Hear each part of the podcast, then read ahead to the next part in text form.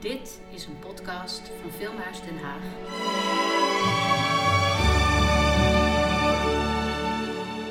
Dit is een podcast over de geschiedenis van de filmmuziek. Mijn naam is John de Jong en ik spreek met Kees Hogenberg, een van de curatoren van de tentoonstelling The Sound of Cinema, die te zien is in Filmhuis Den Haag. In deze eerste aflevering bespreken we de jaren 10, 20 en 30 van de vorige eeuw. Laten we beginnen bij het begin, de jaren 10, 20, eh, 30 van de vorige eeuw. De stomme, ofwel zwijgende film, toen er nog geen geluid in films aanwezig waren. Ik denk dat niemand die dit nu luistert dat daadwerkelijk heeft meegemaakt. Maar er was dan wel muziek bij de filmvertoning aanwezig. Kees, leg uit, hoe werkte dat? Het idee, eh, zwijgende film, eh, stomme film helemaal, is eigenlijk al een misverstand. Er was vanaf het begin muziek bij de film. Dus de film zelf was inderdaad zwijgend. Er zat geen geluidsspoortje op het celluloid. En, eh, maar laten we zeggen, de, de, film, de eerste films worden uitgevonden. De techniek wordt uitgevonden in 1893 ongeveer, houden we aan. En pas daarna, als die beeldjes allemaal kloppen en de, de camera is gemaakt, komen de eerste films. In, laten we zeggen vanaf 1905 of zo. Die worden in een tent vertoond. Het is een soort kermisvermaak. Dus het is echt alleen maar entertainment. Zeker in Amerika. En eh, de mensen stromen toe alsof ze naar een, een eh, attractie gaan. En dan zit er gewoon een man in een hoek naast de tent. In de tent, naast het beeld. En die kijkt naar de film die vertoond wordt. En dat konden dus dingetjes zijn. Geen speelfilms, hè. De eerste speelfilm is meen uit 1913. En dan heb je het over een lengte van 75 of 80 minuten. Dus het waren hele korte filmpjes. Dat komt natuurlijk ook omdat die rol celluloid niet in die camera paste. Niet een gigantische rol, hè. Anders je moest steeds van rolletje verwisselen. Dus die filmpjes zijn een minuut of drie, vier, 10, 15. En die pianist zit daarnaast. En die speelt op de piano. En dat is dan vaak nog eens zo'n rammelende bak. Weet je wel? Want het, eh, hij wordt vervoerd van, van Keitjesplein naar, naar Achterbaksteegje waar die tent maar staat.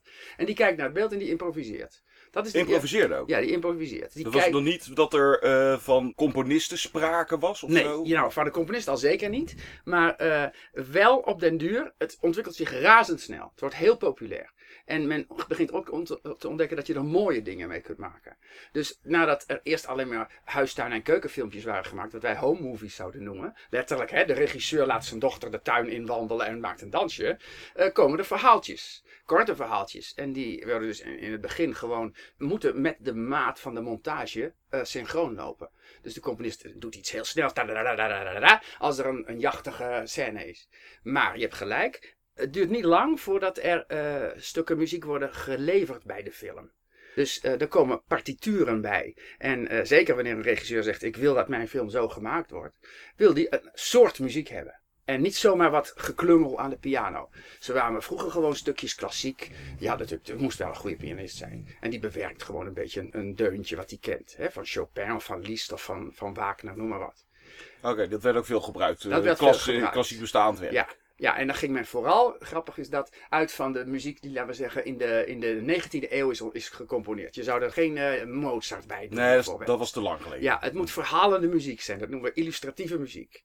Dus die, die ook in de klassieke tijd, toen die, laten we zeggen, in 1875 of zo werd gecomponeerd, had hij vaak al een idee. Hè? Denk maar aan de schilderijen tentoonstelling. Of eh, eh, De Nacht op de Kale Berg. De Dans Macabre is bijvoorbeeld heel beroemd, van Saint-Saëns. Ja. Nou, dan komen we bij het volgende. Saint-Saëns is de eerste componist, voor zover we weten, ja dat is wel zeker, die een score schrijft in 1908 voor een film die er al was. De, de, de film heet La mort du duc de Guise, de dood van de hertog van Guise. En ehm, ze vragen Saint-Saëns om daar speciaal muziek voor te schrijven. Dus het is de eerste keer dat iemand zegt, ik ga die film bekijken. En dan componeer ik er een stuk op. Ik haal niet wat uit de la wat ik al had en bewerk het. Het is compleet moderne, eh, nieuwe muziek. Dus En- dat was voor het eerst dat er een Ja. originele eh, score werd eh, gecomponeerd Ja. voor, nou, korte film in dit geval, denk ik. Hij is een kwartier. Oké. Ja, en je hebt gelijk, dat, dan komt dus het woord origineel, hè, het, wat we nu kennen van de original soundtrack. Dat is dus wat er speciaal is gecomponeerd voor die film. En deze uit 1908 ehm, is een Franse film en gaat over een soort moordcomplot, dat ook historisch is geweest. Maar de muziek is bewaard gebleven, dat is het grappige eraan. Eh, die, die was anders misschien ook met die, met die rolfilm verdwenen. Maar hij is bewaard gebleven omdat Saint-Saëns als klassiek componist dat stuk dat hij geschreven heeft voor La Mort du Duc de Guise omwerkt tot een suite van 18 minuten. En eh, dan wordt het dus ineens een klassiek stuk met een thema en variaties en ontwikkelingen, maar precies met de, de muziek die hij geschreven heeft voor die film. En zo is dat stuk bekend geworden. En het heet dus nu ook in ieders woordenspel L'assassination du duc de Guise. De moord op de hertog van uh, Guise. Zo is het stuk bekend geworden. Er zijn zelfs mensen die denken dat de film zo heet. Maar het was eigenlijk La Mort, de dood. Ja, de, ik denk dat deze ook bewaard is gebleven doordat Saint-Jean een bekende naam was. Want dat zat ik me ook nog af te vragen. Want je had natuurlijk uit die periode, dus dan hebben we het, laten we even zeggen, gaan een eeuw terug in de tijd. Jaren 10, 20 vorige eeuw. En heel veel films uit die tijd zijn verloren gegaan. Maar zijn er misschien ook nog wel meer scores verloren gegaan? Want ja, dat beeldmateriaal, dat kon bewaard blijven. Maar als de, uh, de muziek nog niet dus in de film erbij zat. Of op plaat, uh, wat allemaal pas later. Uh, of als die partituren daar niet meer van bestaan. Er zijn misschien nog wel meer daarvan verloren gegaan dan films? Nee, ik denk eigenlijk minder. het, het bedroevende wat heel veel mensen niet weten is dat van alle zwart-wit films, alle zogenaamd zwijgende films, is geloof ik, wat is het? 80% is verloren. We hebben geen hmm. flauw idee. Dat is allemaal nitraatgevoelig, allemaal verbrand, allemaal verdwenen enzovoort. De muziek, denk ik, als die speciaal voor de film zou zijn geschreven, dus dan bestaat die op notenpapier, dan is die waarschijnlijk wel ergens terug te vinden. Alleen het zijn er niet zoveel. Het waren er in het begin ook al niet zoveel. Hmm. Omdat je dan toch echt uh, liever, je gaf minder geld uit aan een componist, nee, aan een pianist die wat speelt. En dat werd later in de bioscoop overgenomen door het uh, bioscooporgel. Dat is een jaar of tien later, zoals in Tuschinski dat orgel nog steeds staat. Daar zaten zelfs geluidseffecten in. Of dat kon hij allemaal met dat orgel doen. En weer een paar jaar later ontstaat er echt het bioscooporkest. Dus die hebben allemaal bandmuziek. En die muziek, als je ernaar zou zoeken, dan is die er nog wel. Het punt is dus alleen, om speciaal voor een film een score te schrijven, dan moet je een opdracht geven en dan moet je ook een goede componist hebben. Dat duurt een tijdje. En, en daar is dan het, het eerstvolgende voorbeeld is bijvoorbeeld The Birth of a Nation van W. Griffith. Mm die, uh, die W. Griffith. Die is uit um, ehm, 1915. Dat is een Amerikaanse film en die gaat over de, het ontstaan van de Verenigde Staten. The Birth of a Nation, de geboorte van een natie. Hij begint dus in de Amerikaanse burgeroorlog, die in 1865 begint. Het is dus nog maar 50 jaar na die oorlog, hè? dat moeten we niet vergeten. Die, die is nog zo vers in het geheugen. Nog verser dan wij aan de Tweede Wereldoorlog terugdenken. Maar dat was de burgeroorlog waarin Noord tegen Zuid vocht. Met andere woorden, de Amerikanen die tegen de slavernij waren, tegen de Amerikanen in het zuiden die voor de slavernij waren. En die film is zo lang, dat wist Griffith ook. Uh, die is uh, drie uur en een kwartier. Dat hij wist, ik hou de mensen nooit wakker als er geen muziek bij zit. En dan kun je wel eindeloos hele cordons pianisten laten improviseren. Maar hij heeft uh, Joseph Carl Braille gevraagd, Braille, mm -hmm. om een originele score te schrijven nou, en die is dus ook... Dik, van dik drie uur ook. Ja, en die gaat dus van wall to wall. Die gaat van begin tot einde. Daarin zie je dat dus eh, zo'n componist samen met uh, Griffith bekijkt waar moet er muziek in en wat horen we hier en waarom dit en waarom dat. En zo sleept hij als het ware de kijker mee. Nou, en de film was een immens succes. Dus die muziek is ook bewaard gebleven. En we zetten in de vitrine een plaat van die film. Maar dat is natuurlijk niet de, de, de muziek die op dat moment door Braille zelf is ingespeeld. Want uh, die, die, die kon nog niet op de plaat staan. Maar dat is later gedaan door het uh, New Zealand Symphony Orchestra. Maar die hebben dus wel precies de partituur gevolgd die gewoon in de archieven lag. En daarmee kunnen ze dus ook exact tot op de minuut spelen wat er in die film destijds gespeeld is. Hmm. Ja, en ik denk een verschil ten opzichte van later dus eh, de gesproken film is dat je met uh, bij de stomme films die bestond de, de muziek dan ja, volledig, misschien net niet, uh, maar voor 99% evenredig aan de lengte van de film. En heel belangrijk dat het de sfeer en de stemming moest bepalen. Of soms misschien ook in de soundtrack, als je al van soundtrack al kan spreken of in de score, maar iets van geluidseffecten, denk ik zeker met betrekking tot slapstick van Chaplin of Keaton. Mhm. Dat je dan wel zo'n uh, zo'n rare piano uithaal hoort van oké, nu, nu glijdt hij uit. En zou je misschien mogelijk wel kunnen constateren dat de filmmuziek, de scores bij stomme films in een bepaald opzicht belangrijker zijn dan bij later de gesproken films. Omdat de muziek bij stomme films moet volledig de sfeer en de toon van de film bepalen. ja, maar nou, nou kaart je een heel ingewikkeld vraagstuk aan. En het eerste antwoord is nee, het is dus niet belangrijker. Maar dat komt weer om hele andere redenen. Daar kom ik straks op terug.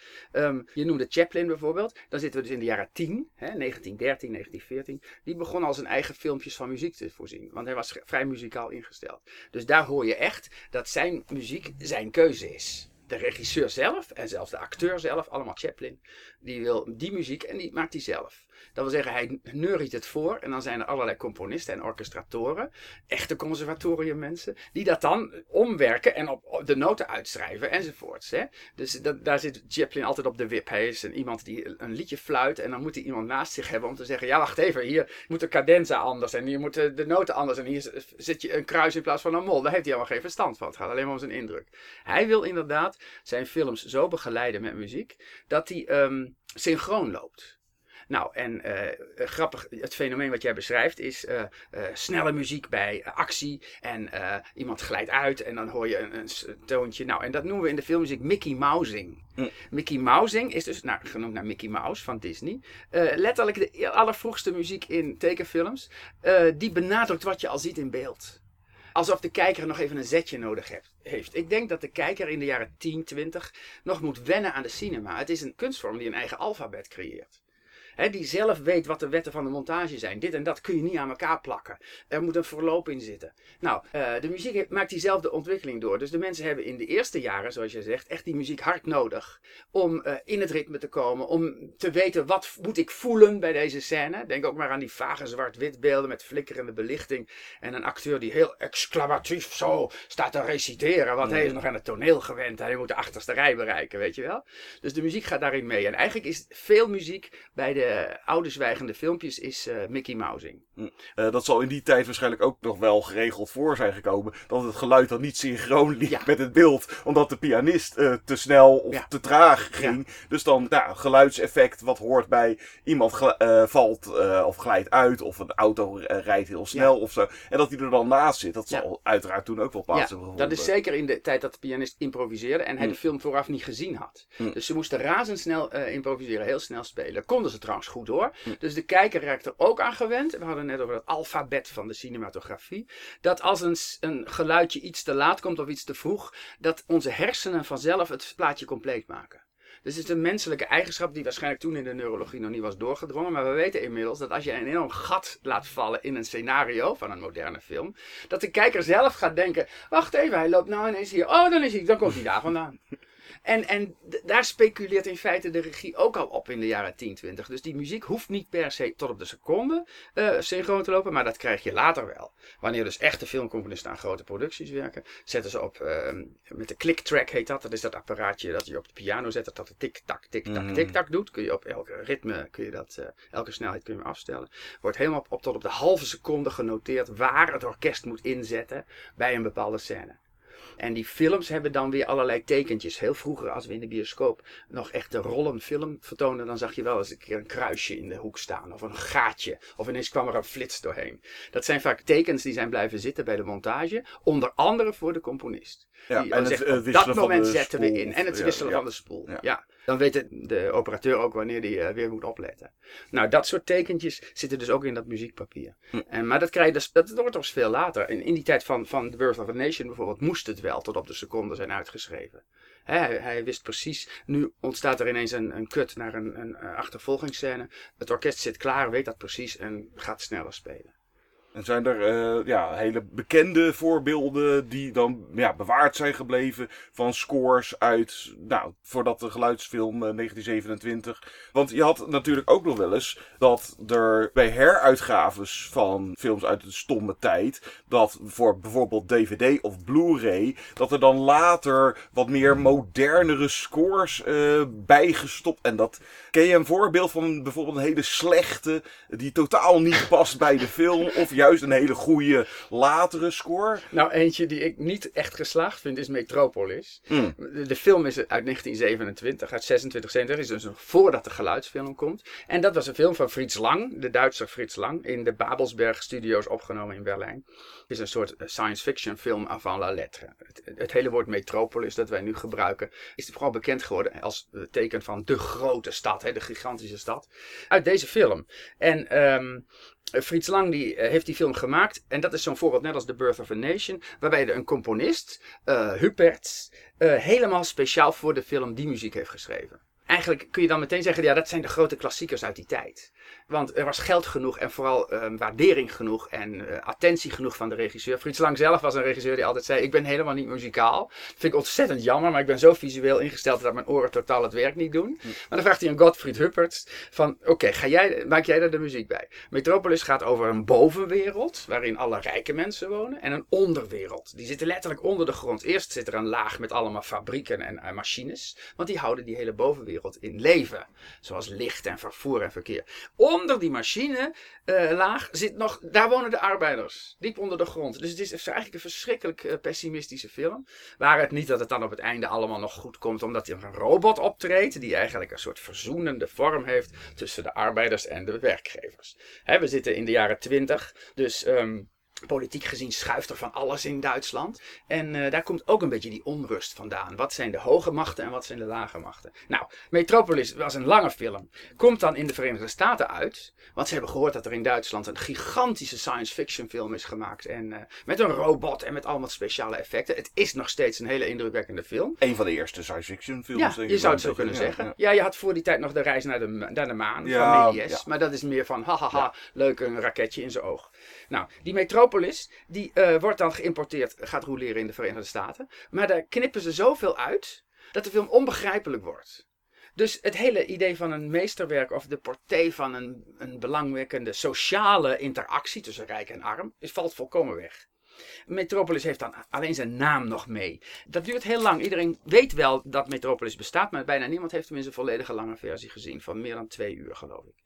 Ja, tweeënhalf uur dus ja. dan zelfs. Ja. Nou, in 1983 komt dan Giorgio Moroder, de, de muzikus Giorgio Moroder, die net via Donna Summer enorme successen heeft behaald in de disco, met zijn uh, synthesizer. En die op eigen initiatief laat uh, filmhistorici alle stukken uit alle archieven en alle cinematheken in de hele wereld bij elkaar um, een nieuwe versie samenstellen. Die ook hier weer, het de notenpapier was bekend, eh, maar ook het scenario van Frits Lang was gewoon bekend. Dus ze konden helemaal nagaan hoe de oorspronkelijke loop had gelopen. En dat doet Moroder omdat hij er zelf muziek bij wil maken. Wat ik heel lovenswaardig vind natuurlijk. En hij denkt waarschijnlijk, um, het is een science fiction film, ook al is het een hele vroege, dus daar mag science fiction muziek bij. En voor zijn idee is science fiction muziek natuurlijk muziek die elektronisch is, die uit de, het synthesizer komt. En uh, hij brengt die film opnieuw uit, gaat ook weer roleren. Er komt een hele mooie uh, plaat op, uh, van uit waarop die, die robot op de voorkant staat. En hij maakt zelf de muziek. Nou, en dan, daar vind ik van dat zodra zijn muziek uh, een elektronische puls heeft, omdat het verbonden is aan die machines. Je ziet allemaal arbeiders fabrieksmatig werken in een soort staccato ritme allemaal. Gin, gin, gin, zoals Modern Times van Charlie Chaplin een beetje. Maar hij voegt ook allerlei songs toe. In de stijl van Donna Summer. En dingen die hij uh, voor Pat Benatar heeft geschreven en zo. En die moeten dan bij de luchtige scènes horen. En daar vind ik dan altijd dat het te duidelijk een synthesizer is. En mijn gevoel gaat dan uit van een, een zwart-wit film. Er waren beeldjes ingekleurd, maar uh, het is in feite een zwijgende zwart-wit film. En past daar dan die uh, disco-achtige muziek bij? Dat kun je je afvragen. Nee, die disco muziek niet. Dat, uh, ja, meer synthesizer, science fiction. Want hoe was de oorspronkelijke score van Metropolis? Dat was orkestraal. Ja, die is orkestraal. Die is, die is ook uitgegeven, die op cd. Hm. Daarvan heb ik orkesten de boel weer opnieuw ingespeeld. En dat is gewoon een, een grote, dramatische orkestrale score. Ja, uiteraard helemaal akoestisch. Ook meegaand in, uh, in de film vooral. Dus ik denk dat Gottfried Hupperts meer feeling heeft, meer touch met de film, omdat hij Frits Lang heeft gekend, dan Giorgio Moroder. Hoe, hoe geweldig het project ook is, want daardoor werd de film weer helemaal uh, bekend. Ja. Maar het voorbeeld, ja, je kunt je afvragen of in hoeverre werkt moderne muziek bij een oude film. Nou, soms werkt dat als het om gevoelens gaat of om ritme vooral. Maar als je bijvoorbeeld bij een liefdescène ineens een, een disco-song uit de zaal hoort komen. In een, in een mooie zwart-wit panorama flat in, bij de Rijkenboven. Dan denk ik, waar, is dat radiootje waar die muziek uitkomt? dus dat verstoort een beetje. Zodra je uit de film wordt getrokken door een gedachte, dan um, ben je er even helemaal uit. Dan hmm. moet je dus weer opnieuw beginnen om je in te leven. Ja, soms is het prijzenswaardig dat ze het proberen onder een uh, modernere draai. Of misschien inderdaad dan uh, nieuwe muziek bij te componeren die beter past bij, of uh, in hun belevenis beter zou passen bij bijvoorbeeld science fiction of, mm -hmm. of mhm. zoiets. Nou, Metropolis uh, uit hetzelfde jaar, 1927, Napoleon. Dat was helemaal dat lange score, want Ja, die Ja, duurt vier uur. Ja. En Napoleon eh, heet officieel Napoleon vu par Abel Gans. Dus eh, Napoleon gezien door met de blik van Abel Gans. En Abel Gans is de regisseur, Franse man. Eh, hè, grappig, we hebben Metropolis in Duitsland. In Rusland worden films gemaakt. In Frankrijk ook. Dus Hollywood is nog niet helemaal, die is nog aan het experimenteren. Terwijl Europa meteen de film als kunstvorm ziet. Daar komt dus ook die, die muziek vandaan. Uh, Saint-Saëns bijvoorbeeld, dat was, een moderne, serieuze componist zouden we nu zeggen. Nou, Abel Gans maakt een film over het leven van Napoleon. En in die vier uur en een kwartier komt hij tot 1797. Dan is Napoleon nog jong. Dan hebben we dus nog niet eens zijn keizerschap gehad. Nee, dat was mij de bedoeling dat er eh, nog Ah, meer nog films meer zouden gaan komen. Ja. Maar Gans heeft zo'n gigantisch project opgezet. Eh, hij is eigenlijk, zou je kunnen zeggen, de uitvinder van de Cinerama. Van de Panavision, zo je wilt. Hij noemde dat Polyvision. Hij ging uit van het volgende. Eh, onze menselijke blik heeft een hoek naar eh, het beeld dat we hebben. En dat is in feite, kijken wij, als je nu naar je eigen ogen kijkt. Het is een soort rechthoek, een soort balk. Dat zien wij, hè? van boven naar onder en van eh, links naar rechts. Dus hij wilde de film, die tot dan toe gewoon 4 bij 3 was. Het formaat van 4 staat tot 3, dus dat is praktisch vierkant. eh, wilde hij breder maken. Maar de, de filmstroken, de, het nitraat, de celluloid, is, is niet breder dan dat. Dat heeft een, vereist een hele andere uitvinding. Dus Breedbeeld hij- bestond nog niet. Breedbeeld bestond niet. Maar Nee. wat doet hij? Hij neemt zijn film op met drie 35 mm camera's naast elkaar. En hij laat ze elkaar net een beetje overlappen. Dus eh, hij filmt bijvoorbeeld een veldslag of een eh, paleisscène of een indrukwekkend eh, landschap met drie camera's tegelijk. En dan krijg je inderdaad een beeld van ongeveer, wat is het, 16 bij 9 of zo. Je krijgt een verhouding die heel erg op Panavision lijkt, wat later wordt uitgevonden. Alleen het is ontzettend duur en het is heel omvattend. En bovendien wilde hij ook nog allerlei scènes met bewegende camera's maken. Dus hij zet hem op een schommel bijvoorbeeld of op een glijbaan precies. Dan komt hij op je af en dan gaat hij weer terug. Daar had hij eh, zoveel geld en tijd in gespendeerd dat het van een volgend deel nooit is gekomen. Maar de muziek wel. Die wordt door Arthur Honegger gemaakt. Honegger is een Zwitser die uit een eh, groep Franse experimentele componisten komt. Die noemen zich de Groupe Les Six. Dus de groep met van zes man. Zoals Georges Auric en Darius Milhaud. Dat zijn hele moderne Fransen die echt aan de kunst denken. Die, die zien meteen dat film een kunstvorm is en niet vermaak. We hebben het dus over 19, tussen 1920 en 1925 ongeveer. Dan zijn we alweer tien jaar hè, na ehm, The Birth of a Nation. Honegger maakt muziek die hij baseert. Hij moet zoveel muziek schrijven. Dat is onmogelijk om allemaal originele eh, stukken te bedenken. Dat hij ook eh, klassieke werken gaat bestuderen en die bewerkt hij. Dus hij gebruikt allemaal korte themaatjes, vooral uit Beethoven. Waarom uit Beethoven? Want ehm, Beethoven was een eh, groot bewonderaar van Napoleon. Een tijdsgenoot ook. Een eh, tijdgenoot ja. ook. En eh, de ene een Fransman, de andere een Duitser. Maar vooral het, de manier waarop Napoleon het Rijk ging omvormen na de Franse Revolutie bewonderde hij zeer. Alleen eh, die bewondering liep tot en met de inval van Napoleon als keizer van de Duitse Staten. en Beethoven heeft dus nog zijn derde symfonie, meen ik, aan Napoleon opgedragen. En ehm, en toen uiteindelijk de Duitse Staten, dat waren hertogdommen, prinsdommen enzovoort. Duitsland was nog geen geheel. ehm, werden onder de voet werden gelopen, heeft hij die dedicatie ook geschrapt. Vanaf dat moment eh, was hij geen fan meer van Napoleon. Maar in de score van Honegger zelf zit dus wel veel Napoleon. Ah, veel, sorry, veel Beethoven. En veel eh, Napoleon. de lijn. en, en veel Ja, Napoleon. Ja, we hebben, een, we hebben in de vitrine een, een programmaboekje staan. Ook hiervan, eh, die muziek van Honegger is wel op cd verschenen, maar uiteraard niet in die tijd op een plaat. En eh, toen is in 1981, het verhaal lijkt op dat van Metropolis, Ja. zijn alle stukjes film van Napoleon die in cinematheken over de hele wereld bewaard waren, sommige hadden snippertjes en andere hele scènes, zijn bij elkaar gevoegd. Door ehm, Francis Ford Coppola. Zijn Zoetrope Studios hebben Ja. dat project gedaan. Toen werd de film dus weer, die ging in een soort roulement over de hele wereld. En Coppola die koppelde eraan vast dat hij de muziek live wilde vertonen bij de film. Even gecomponeerd door, wat was het? En door zijn Eh, vader. Zijn vader, eh, ja, ja. Carmine Coppola. Die Carmine Coppola had eerder voor hem ook al de godvader van muziek voorzien. En is een goede componist. Dat is altijd grappig als je denkt, ja, hij vraagt zijn vader lekker makkelijk. Maar eh, het is een hele hij maakt hele mooie muziek. Hij heeft, veel, hij heeft nog een aantal andere films voor Coppola, voor zijn zoon gedaan. En hij was fluitist, geloof ik, bij de New York Philharmonic of zo. Dus hij was heel conservatorium opgeleid. Nou, en die heeft eh er weer nieuwe muziek bij gedaan. Ik heb die film ooit gezien in eh, Den Bosch. Toen hij dus ook gewoon daar ging draaien. En met het ehm Brabants Orkest. En dat was de muziek van Van Coppola, ja, Je ja, ja. la- daarna weer, geloof ik, hoe heet hij? Carl, Carl Davis. Davis. Ja, ja, ja, precies. Carl Davis is de tweede. Dat is dan eh, twee jaar later. Gaat de film ook nog eens een keer in Europees roulement.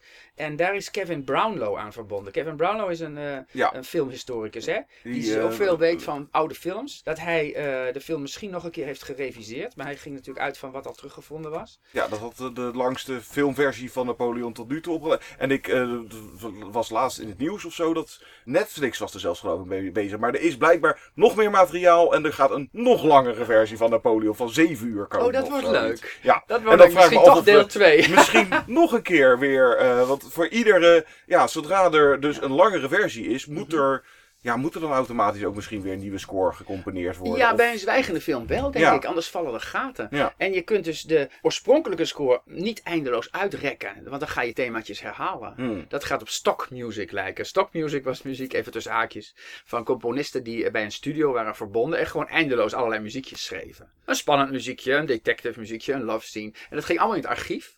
En als er dan stomme filmpjes waren die even niks hadden, dan pakte men gewoon de dingen uit de stock music. En die plakten ze erachter. Maar dat kan dus bij zo'n grote film niet. Ja, ik denk dat de, een van de versies van eh Abel Gans zelf, van Napoleon, met muziek van Oneguer, is vast nog wel te doen. Maar dan heb je dus echt een korte versie. En dat is alles wat Oneguer ervoor geschreven heeft. Als nou er een versie komt die nog completer is, denk ik dat je een nieuwe componist moet vragen. Dus die, die versie die in Engeland wordt eh, gereconstrueerd, krijgt muziek van Carl Davis. En, eh, het is, en ze, verschillen maar twee jaar. Die van Carmine Coppola in 81, die van Carl Davis in 83. Altijd leuk om te vergelijken. In dit geval trouwens valt dat wel mee hoor. Ze hebben allebei veel op Beethoven geleund. Dus daar gaan ze dan toch maar weer van uit. Hmm. Ja, en dan, eh, we zitten nog steeds in 1927. Eigenlijk na de uitvinding, eh, dus dat is het beeld, misschien de belangrijkste tweede innovatie eh, binnen de filmgeschiedenis, is de introductie van het geluid. Toen dat gebeurde in 1927 werd het het audiovisueel medium, wat, zoals wij het kennen. Ja, de eerste, ik heb de film nooit gezien, want die schijnt niet zo ontzettend goed te zijn. Ik heb uiteraard wel eens de beelden op YouTube. voor het eerst wordt er gesproken in film in de jazzzinger Ja. L. Johnson. Ja, 1927 is dat. Een jaar eerder is Warner Brothers al bezig met ehm, geluid bij films te voegen. En dat doen ze op eh, eh, grote grammofoonplaten. Die zijn 40 centimeter in doorsnee. Van dat dikke bakkeliet. Nee, eerder nog schellak heet dat. Ja, er Als waren toch het laat eer- vallen- voor deze waren er films met eh, waar score. Een score niet, maar geluiden soms wel. Ja, of geluiden. Dus we, ja. we, leggen- we, we hebben ook, eh, we hebben ook van die dikke platen. Het is het prachtige zwarte vinyl. Nee, het is geen vinyl. Dan moet je juist het onderscheid maken. Het zijn dus platen van bakkeliet. Ze zijn ook heel dik. En, en ze zijn dus breekbaar. Hmm. Als je hem laat vallen is hij stuk. En dan doe je er niks meer mee. Maar dan stond er op zo'n plaat bijvoorbeeld eh galopperend paard. Hm. En die moest je dan net op tijd eh, op, op de goede moment opzetten. En dan hoor je dat geluid bij die stomme film. En Warner Brothers die bracht het, het systeem Vitaphone uit. Daar waren die platen nog groter. En die moesten dus op een speciale grammofoon op een draaitafel worden gelegd. Die weer was verbonden met de projector. Dat was het oude systeem. Maar Warner Brothers ging verder. Dus, Zo'n studio, er waren vijf, zes, zeven grote studio's. Die allemaal naar Californië waren gegaan omdat daar zonlicht is. Het is heel triviaal, maar zo simpel is het. Ze moesten altijd maar opnamen maken met ontzettende knotsen van lampen. En buitenopnamen waren al helemaal moeilijk wanneer het weer niet goed was. Dus op een gegeven moment zegt, heeft iemand gezegd: Californië, daar schijnt altijd de zon. Daarom is dus de Hollywood-film uitgekomen. Omdat er zon is. Heel Ja. grappig. En eh, daar zitten dan zes, zeven grote studio's. Hè, dus United Artists, Warner Brothers, MGM enzovoort. Iedereen heeft zo zijn eigen dingetje. En Warner Brothers gaat zich ineens op geluid werpen. Je moet één ding niet vergeten. Wij vinden de geluidsfilm zo logisch als maar wat. Mhm. Maar eh, dat was het in die tijd helemaal niet. Het is vergelijkbaar met de komst van de kleurenfotografie en de zwart-wit fotografie. Er zijn nog steeds mensen die zeggen, ja, maar zwart-wit is veel mooier, daar kun je meer. Dat is ook moeilijker, je moet dat contrast uitvinden. Nou, er waren dus heel veel mensen die zeiden, geluidsfilm, ik, ik hoef die mensen helemaal niet te horen spreken. Want we zijn het toneel en het theater gewend en ze declameren op een mooie manier. Dus eh, er waren bovendien heel veel eh, acteurs die, die een slechte stem hadden. Ja, of Dus eh, die eh, niet Engels. of, nog. of Engels met een zwaar accentje spraken. Ja, dus die vielen dan ook door de mand. En dat Vitaphone, dat loopt ook niet helemaal lekker. Want zodra er dus een tikje in de plaat komt, loopt de hele film asynchroon. Dat Vitaphone effect zit nog in de film Singing in the Rain uit 1951. In feite Oh, gaat die helemaal over eh, de overgang van uh, zwijgende film naar geluidsfilm. Met alle hilarische momenten, hè, wanneer er dus een tik in de plaat komt en je mensen ziet praten met hun mond en drie seconden later komt het geluid erachteraan. Nou, dus eh, gaan ze iets anders verzinnen. Ze ontdekken dat er op de filmstrook een spoor kan worden gezet voor het geluid. En die zit vast aan de film. En de film rolt door de projector. Loopt langs een geluidsopnameapparaatje. en je hoort geluid bij de film. En die is dus bijna per definitie synchroon. Dan ben je van al het gedonder af. En dat is de, de jazzzinger. En de jazzzinger is in 1927 uitgekomen. Was nog niet eens helemaal uh, sprekend. Uh, L. Jolson zong een paar dingen. Hmm. En je hoorde wat geluiden. Maar dat was al zo sensationeel. Dat de mensen uh, nou, meteen meer wilden hebben. Ook al kun je niet zeggen dat de geluidsfilm vanaf 1927 ook in één keer was, overal was doorgevoerd hoor. Want de, de eerste gesproken zin uit de filmgeschiedenis was toch You ain't heard nothing yet of zoiets? Of? Oh, dat zou ik niet weten. Dat... Het, het, eerste wat hij zegt volgens is mij. Is het zo? Dat zou kunnen. Da ik dacht zoiets. Zo van, u heeft, u heeft dit nog nooit gehoord of zoiets. Wat grappig. Ja. ja, nou weet je, L. Johnson was heel populair. We kunnen ons haast niet meer voorstellen eh, waarom. Of, maar hij, is, hij was de topartiest van de Verenigde Staten. Vooral in de, in de revue en in het variété. En um, hij uh, bracht jazzmuziek. Wat, wat op zich, jazz had een iets andere inhoud. Jazzmuziek was uh, muziek die uit de zwarte cultuur voortkwam. He, uit, de, uit de mengkroes van allemaal uh, voormalige slaven. Die daar gospel in gooien. En uh, hun eigen Afrikaanse ritmes bijvoorbeeld. En daar komt jazz uit voort. Het woord jazz betekent ook eigenlijk alleen maar wilde dans. Mm. Jazz in het Frans. En uh, L. Jolson vond die muziek goed en wilde het overbrengen aan de mensen. Maar had dan het idee, dan moet ik er als een zwarte man uitzien. Dus hij verfde zijn gezicht zwart. En hij hield zijn hand, witte handschoenen aan. En hij had een grote mond, zoals we kennen van uh, Shores en Shimmy. En we kunnen nu terugkijken op die films en op dat blackface-achtige, maar zo werd het helemaal niet genoemd. Het was dus een uh, volledige geaccepteerde manier van uh, theater maken en in mm. dit geval ook van film, want hij werd gewoon gefilmd. Het verhaal gaat over, hij is dan bovendien ook nog een Joodse jongen. Zijn vader wil graag dat hij kantor wordt, maar hij wil liever jazzzinger worden. Nou, het, het woord alleen al in het Joodse gemeenschap vonden vond ze verschrikkelijk. Hoe kun je nou jazzzinger worden? Het is het allerlaagste in de muziek wat je maar kunt bereiken. Dat heeft natuurlijk met die slavenafkomst te maken. Daarom is de film misschien nu controversieel. Maar hij was destijds heel goed bedoeld. En, en L. Jolson werd er zo populair mee. Mede dankzij dat, dat ze hem ineens konden... Hij had ook al in zwijgende films gespeeld, hè? maar nu hoorden ze hem ineens zingen. Ja. Synchroon nog wel. Dus uh, er zijn heel veel Jolson films nage, achteraan gegaan. Met uh, de jazzzinger... Nou, bij wijze van spreken Sings Again en The, Return of the Jazz Singer enzovoort. Nog steeds met de, met de blackface. Dus hij, hij had die rol, die, die, dat werd hij zelf eigenlijk. Ja, en de overgang van de stomme film naar de geluidsfilm. Het was inderdaad nou, voor heel veel mensen waarschijnlijk even wennen.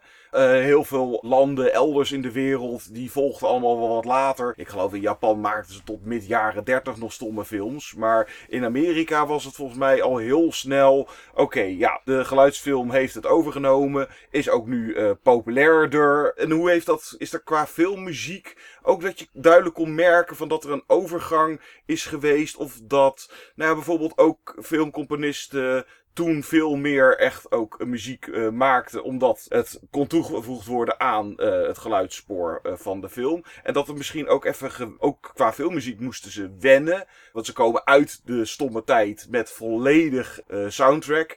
En nu moet je opeens, ja, er wordt ook gesproken in de ja. film. En daar moet je misschien weer niet te veel de muziek de overhand laten hebben. Ik zou eigenlijk geen voorbeeld weten van misschien iets van een film uit net het begin van dat er geluidsfilms waren, waar dan geen score bij zat. Ja, de, geen muziek. Er was, 1927 was een, een breukjaar, hè, omdat het een historische film is en daarmee kwam, dus dat kunnen we ook zeggen. Maar uh, zoals het met veel breuken gaat, uh, er is een overgangsperiode, een gewenningsperiode. Dus om te beginnen, heel veel theaters, die hadden het geld niet en wisten ook niet zeker of ze erop moesten gokken dat het een succes zou worden. Want voor een geluidsfilm heb je dus ineens speakers nodig, hè? dat moet je niet vergeten. Dus er moeten allemaal kabels worden aangelegd en grote boxen en uh, waar zet je die dan neer en hoe, hoe gaat die projecten? De operateurs kregen een andere opleiding enzovoort. Dus het heeft nog zeker 5 à 10 jaar geduurd, ook in de Verenigde Staten, voordat de uh, zwijgende film was, was afgeschreven.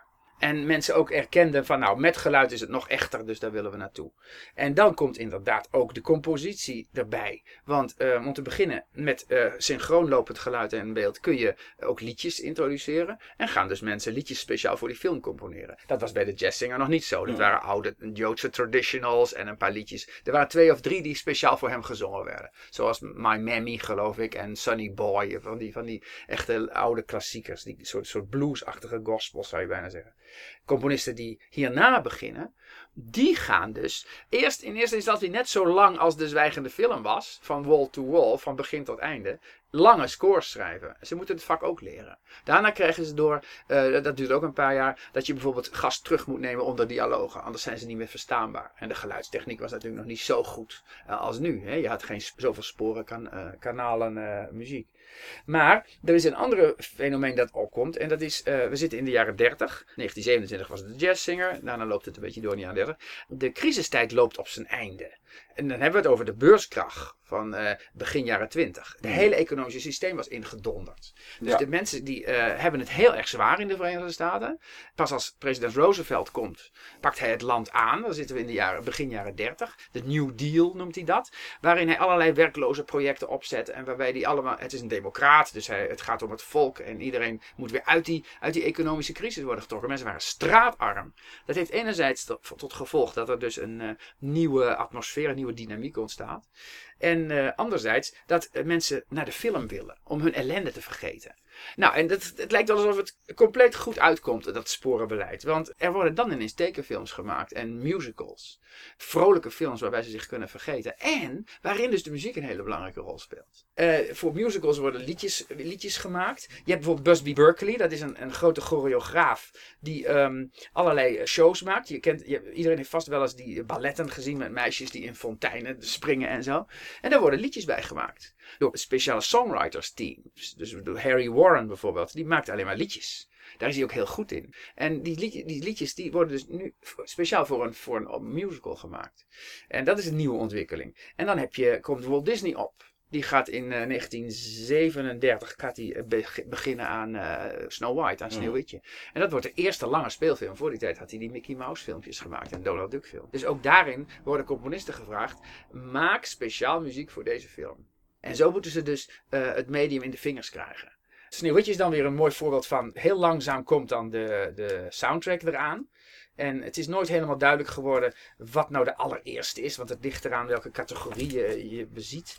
Maar um, Sneeuwwitje is een van de allereerste films waar een aantal waar de liedjes mm -hmm. op een plaat worden uitgebracht.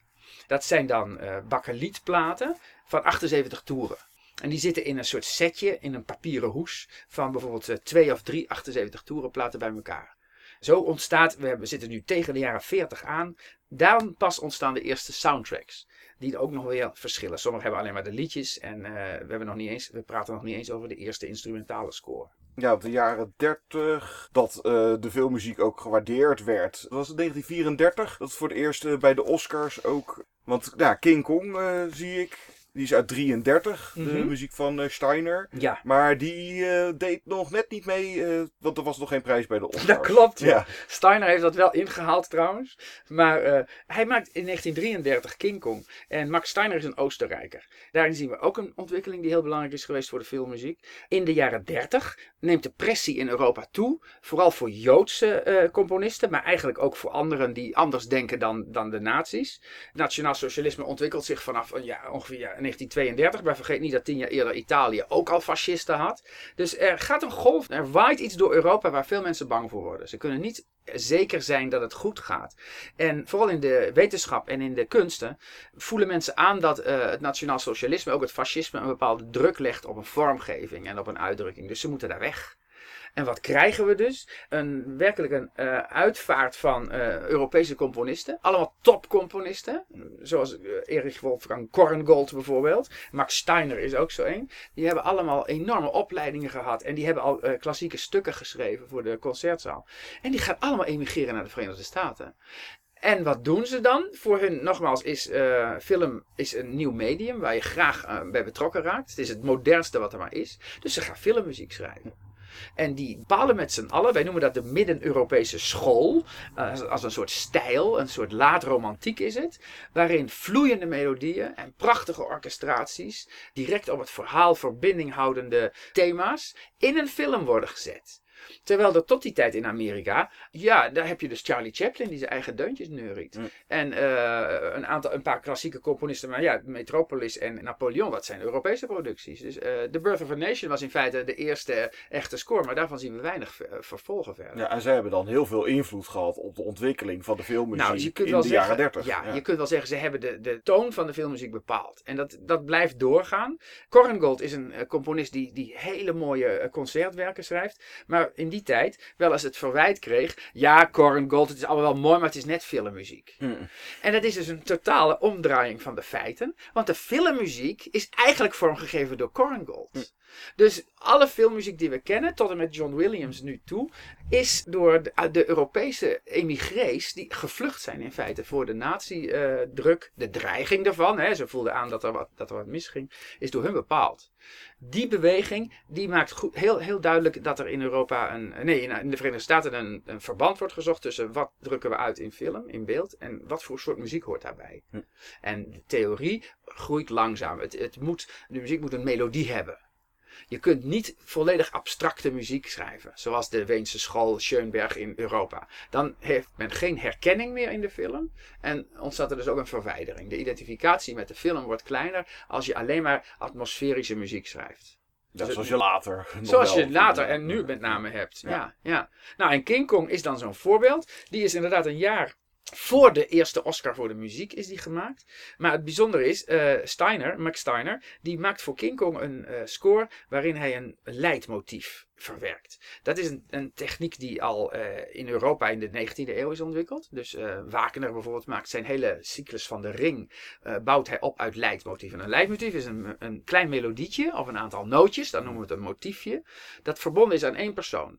Of eventueel aan één situatie. Of één kenmerkende locatie, kan ook. Een, een, land of een kasteel of zo. Ja, misschien het bekendste voorbeeld van deze eeuw uh, Lord of the Rings waarschijnlijk. Ja, dat is net zo. Heeft net zijn eigen thema. Ja. ja, maar het grappige is, dat is van Howard Shore. En die heeft dus eigenlijk gewoon de Europese techniek van Wagner overgenomen, omdat die werkt. Hm heel, heel Star Wars hangt van de leidmotieven aan elkaar. Oh ja, natuurlijk. Ook een bekend en, voorbeeld. En, en, en die hebben dat allemaal weer van Gold en Steiner geleerd. Hm. Nou, het mooiste aan King Kong is dat Steiner dus die operateske techniek gebruikt in een film. Waarvan ook nog werd gezegd, in 1933 hebben we het over. Uh, er moest een grote aap worden gemaakt, wat al moeilijk genoeg is. De kosten rezen uit de pan. Ze hadden er geen flauw idee van of het goed zou komen. En toen heeft de, regie, heeft de producent, niet de regisseur. De producent zei op een gegeven moment tegen Steiner. Nou, weet je, de, de film zit al zo vol, maak maar een beetje kleine muziek. Want hij dacht dat hij dan goedkoper uit was. En Steiner zei met zijn zware Duitse accent: Ja, uh, ik, dit is een heel groot onderwerp. Ik heb daar geen kleine muziek voor. Ik kan toch niet Little Women eronder zetten? een hele grote aap. hele grote aap. En de regisseur kwam erbij, Marion Cooper, en die zei: Nee hoor, ik praat wel met de, met de, met de producent. Trek maar 50.000 dollar extra uit. Het is even leuk om dat bedrag te noemen, want dan heb je een idee dat zelfs in de jaren 30 van de vorige eeuw 50.000 dollar, dat was net genoeg om een muziek en een orkest en een montage te maken. Zulke bedragen gingen mm. er al doorheen. Hè? Componisten die nu werken, uh, die krijgen gauw 750.000 eh, dollar. Dat is je loon, hè? Gewoon je salaris voor het schrijven van een score. Dan moet je daar wel je orkest, de, de dingen bij, bij, inhuren en zo. Maar uh, dan heb je een idee van de prijzen. Hm. Oké, terug naar King Kong. Wat doet hij? Hij maakt voor de aap, Kong, een motiefje. Een motiefje van drie noten. Drie dalende noten.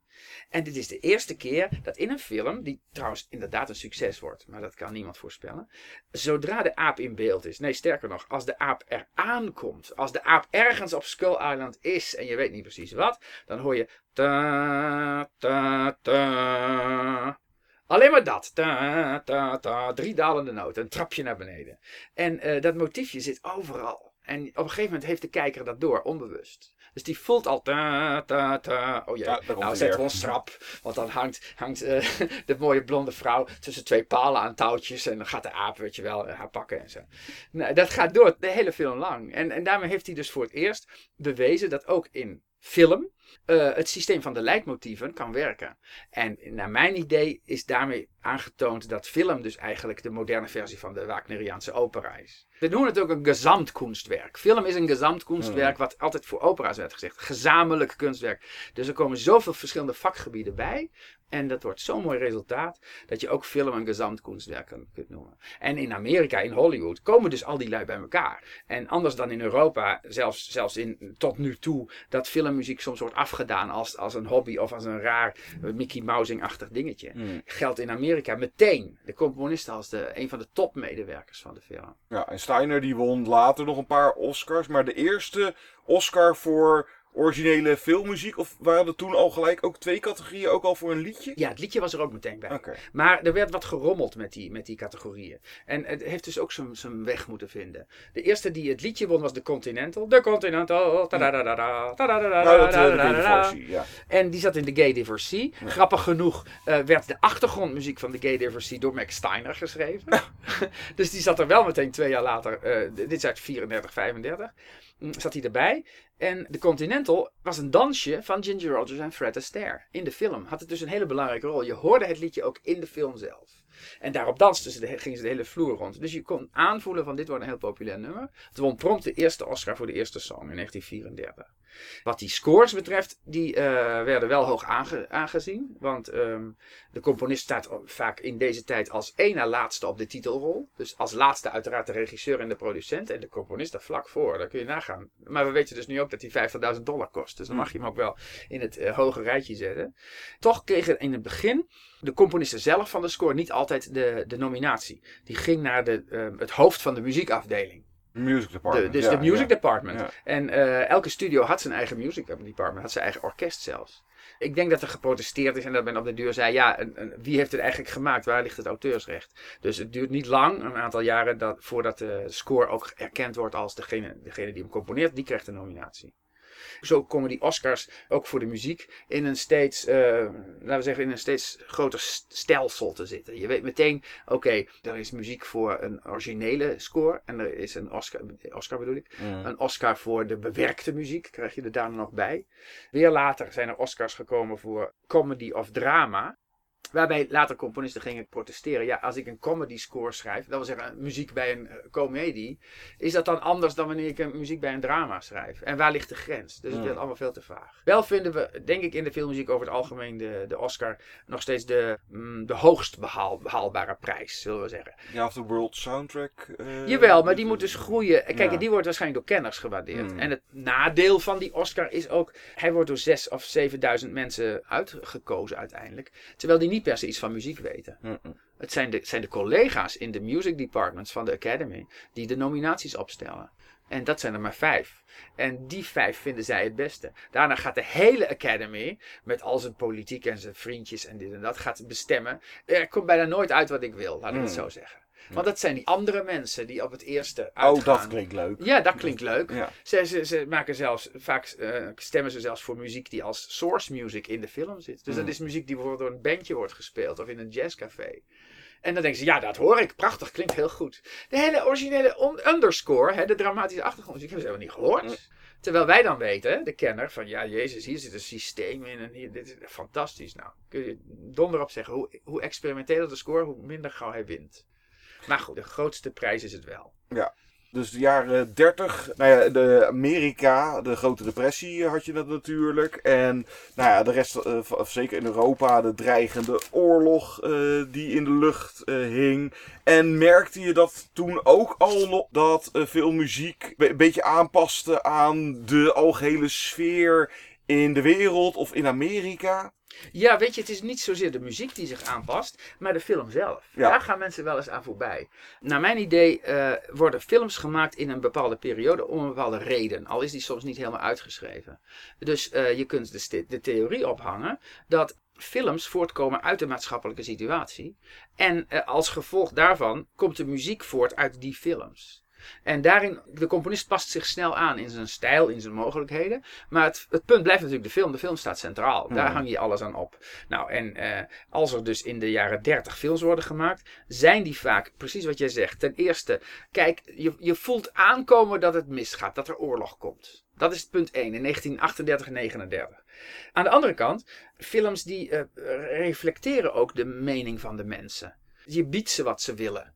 Dus als daar uh, tekenfilms komen, of grote films zoals Gone with the Wind, ik noem maar wat, dan um, zit daarin iets wat het, het, gevoel voor de natie versterkt. Het is een stuk geschiedenis van Amerika. Mm. Daar komt dan ook weer grootse muziek bij, van, van Mike Steiner weer, met een, met een heel bekend thema dat ook altijd maar klassiek is gebleven. In die zin heeft het dus duidelijk invloed op elkaar. Maar um, in de jaren 30 is de situatie nog zo somber, dat er bijvoorbeeld films worden gemaakt die uh, specifiek aansluiten bij, bij die Amerikaanse crisis. En bij de New Deal van uh, president Roosevelt. Die willen dus um, weergeven wat er gebeurt in het land. En dus krijg je op basis daarvan ook weer een ander soort muziek. The Plow That Broke the Plains is een, is een documentaire. Er werden ook documentaires gemaakt. En Virgil Thompson is een componist die daar muziek bij maakt. En uh, uit die films, hij doet een hele serie van die documentaires. Die min of meer tot een soort voorlichtingsprogramma van de regering horen. Namelijk over hoe ga je eigenlijk stemmen? Wat is je democratisch recht? Of um, de Dust Bowl in Amerika. Dat is dat middenstuk uh, waar alleen maar de wind waait. En de, de, erosie zo is toegeslagen dat er geen, geen mais meer op de... Dat uh, tumbleweed over Precies, de straat. de tumbleweeds. Ja. Nou, daar worden een hele serie films over gemaakt. En uh, wat krijgen we dan voor ontwikkeling, die ook heel onverwacht is. Ook literatuur wordt verfilmd, zoals als John Steinbeck. Dat er Amerikaanse componisten zijn die daar eigen muziek bij willen. Dat zijn dus uh, gewortelde Amerikaanse componisten, niet de emigrees uit Midden-Europa. En die zoeken een eigen stijl. Die willen muziek vinden die uh, zo typisch Amerika is, dat hij het land en de, de spirit van de Amerikaan weergeeft. En dat noemen we Americana. Dat is dus niet Americana in de RB van, van kort geleden, maar die Americana bestaat al veel langer. Mm. En Aaron Copland is de componist die daar het meeste in heeft gedaan. Copland is ook een uh, concertcomponist, een serieuze componist, die bijvoorbeeld muziek heeft gemaakt voor de rodeo of voor Amerikaanse cowboys. Dat, dat, zo noemt hij zijn stukken dan. Hè? Amerikanen kenmerkt zich door een hele brede beweging in de muziek. Strijkers die uh, niet zozeer zoals in Europa romantisch en vol en, en vloeiend lopen, maar kracht uitdrukken. Blazers erbij, ritme erin. En uh, je kunt het je voorstellen, Ferde Grové is ook zo'n componist. Die maakt een suite over de Grand Canyon. Dus uh, de Grand Canyon suite is ook heel beroemd. Is ook in 1936 verfilmd. Met, dus eigenlijk is er een film gemaakt op de bestaande muziek. Ja. Dat is muziek die, je kunt je bijna voorstellen dat je door, in een tweedekkertje door die Grand Canyon vliegt en dan imposante muziek hoort. Het is, het is, Americana is hele mooie muziek. Maar er zit dus het, het volle orkest in. En vooral het idee van um, we drukken de frontier nog verder naar het westen. Wij Amerikanen zijn pioniers. We durven alles aan. Het is dus typische muziek die voortkomt uit een crisis. Maar die tegelijkertijd het Amerikaanse gevoel, niet voor niks natuurlijk, mm. uh, benadrukt. Want ze weten dat er iets aan gaat komen. We hebben dat nationalisme, dat patriotisme hebben we straks nodig. Nou, die Americana staat een beetje in dat, in dat uh, teken. En uh, Of Mice and Men hebben we in de vitrine staan. Een verfilming van John Steinbeck. En die is van Aaron Copland zelf. En die muziek dan. Die gaat ook over twee uh, arme, twee vrienden die door het hele land reizen om werk te vinden. En dan hopen dat ze goed behandeld worden, wat helemaal niet gebeurt. Dus het is een heel, het is een, een drama. En toch geeft de muziek waar die maar kan, sprankjes hoop aan. Dat hoor je dus mm. in warme harmonieën. In een mooie majeure stijl, weet je. Simpel, maar, maar groot. Die Americana is dus typisch een, een, stijl die opkomt in de jaren 30, eind jaren 30. En daarmee de tweede bepalende factor wordt in de Amerikaanse filmmuziek. En als ik het heb over Amerikaanse filmmuziek, ja, dan is dat bijna wereldfilmmuziek, want nergens anders wordt de filmmuziek zo geschreven. Mm. Dus je hebt die Duits, je hebt die Middel-Europese stijl en je hebt de Americana. En die vloeien ook voortdurend in de loop van de tijd uh, door elkaar heen. Uh, Robin Hood zit in de vitrine, ja. want dat is een voorbeeld van Erich Wolfgang Korngold. Ja. Dus dat is die Middel-Europese stroming. En ook daaraan zie je, waarom komt die film... Dat is steeds de vraag die we ons gesteld hebben. Mm. Waarom komt die film nu uit? Nou, The Adventures of Robin Hood. Het is Engels onderwerp. Maar het is wel een man die opkomt voor de armen. Het is bovendien spannend allemaal met die boogschutters en die bossen enzovoort. Dus het is de ene, de ene kant entertainment. En aan de andere kant een, heeft het een boodschap. Heeft het een, een subtiel idee van, uh, kijk, we vechten ergens voor. Nou, en daar doet Korngold dan, die schrijft daar zulke magnifieke muziek bij. Ja, staat wel te boek als een van de beste scores aller tijden. Ja, die laat hier zien wat hij kan. En, en zo vormt zich langzaam Hollywood in een, uh, in een geoliede machine, zou je kunnen zeggen. Ja, van Gone with the Wind had ik nog, heb ik een singeltje dat het themaatje van Gone with the Wind in het Frans zingt. Okay. Dus het geeft ook aan hoe populair zoiets kan mm. worden. Om ineens een, een, muziekje, een instrumentaal thema, een hoofdthema te horen, dat dan ineens gezongen wordt, is dus duidelijk ook zo'n voorbeeld van, het is zo populair dat je erop uh, kunt cashen. Je kunt het nog een keer uitbrengen. Ja, en uh, heel populair, uh, was ook 39, Wizard of Oz, Over ja. the Rainbow. Ja, Somewhere Over the Rainbow. Precies, dat, dat is net zo'n liedje dat, die, dat daarin meespeelt. Judy Garland, die dat altijd op haar repertoire heeft laten staan, was toen nog een klein meisje. Dus zij had precies het goede nummer kennelijk. Somewhere Over the Rainbow. dat komt gewoon letterlijk uit die film. En uh, Harold Arlen, de componist, heeft dat dus ook voor The Wizard of Oz geschreven. We zien dus dat we langzaam toegaan naar een periode waarin muziek speciaal voor films wordt geschreven. Ook songs worden hits. Mensen willen het ook graag horen. Dus uh, er is nog geen uh, grammofoon. Maar uh, ze willen wel via de radio bijvoorbeeld die thema's horen. Er zijn andere orkesten die het opnemen. het wordt in danszalen gespeeld. Je kunt zeggen, de film is in feite een, een Amerikaans cultuur. De film is uiteraard overal. Hè? Maar in Amerika slaat het gewoon aan. Mede door dat ambachtelijke. En dat die, die, ze kunnen er altijd een morele boodschap aan geven. De handel speelt daar dus op in. Met andere woorden, als een film een song heeft die een hit wordt. Nou, dan is het volgende idee bij die studio's. Die moeten gewoon geld maken. Nou, dan maken we nog een film met een uh, leuk liedje erin. Ja. Dus dan kom je naar bijvoorbeeld Snow White van Disney. Kom je ineens op Pinocchio. Pinocchio is de, is de tweede film die, die Disney tekent. Daar moeten ook weer liedjes in. Pinocchio is ook een van die films die dus strijdt om de eer. Welke soundtrack was er nou voor het eerst? Deze is uit 41. Dan zijn we inmiddels natuurlijk wel de oorlog ingegaan. Daar komen we straks in de volgende vitrine wel weer op terug. Maar uh, bijvoorbeeld het liedje van Pinocchio. Dat when is you nu... wish upon a star. Ja, when you wish upon a star. When you wish upon a star. Dat is nu het logo-muziekje van Buena Vista, van Disney. Dus zodra je in de bioscoop een nieuwe Disney-film ziet, vaak een getekende, met, dat kasteel, ja, dan hoor je dat nummertje. Nou, uh, in een prachtige bewerking uh, komt dat dus gewoon uit Pinocchio. En daar kun je zien hoe oud het is, maar ook hoe lang het voortleeft. Dit was een podcast van Filmhuis Den Haag voor de tentoonstelling The Sound of Cinema. De intromuziek is afkomstig uit de film Lawrence of Arabia, gecomponeerd door Maurice Jarre. Wil je meer weten over filmmuziek? Luister dan ook naar de andere afleveringen van deze podcastreeks. Via filmhuisdenhaag.nl of in je podcast-apps. Je bent natuurlijk ook van harte welkom in Filmhuis Den Haag om daar een film of de tentoonstelling The Sound of Cinema te bekijken. Deze podcast is gemaakt door mijzelf, John de Jong, verantwoordelijk voor interview en montage. Aan deze podcast werkten mee Kees Hogenberg, Leder de Jong, Josien Buis en Geke Roelink.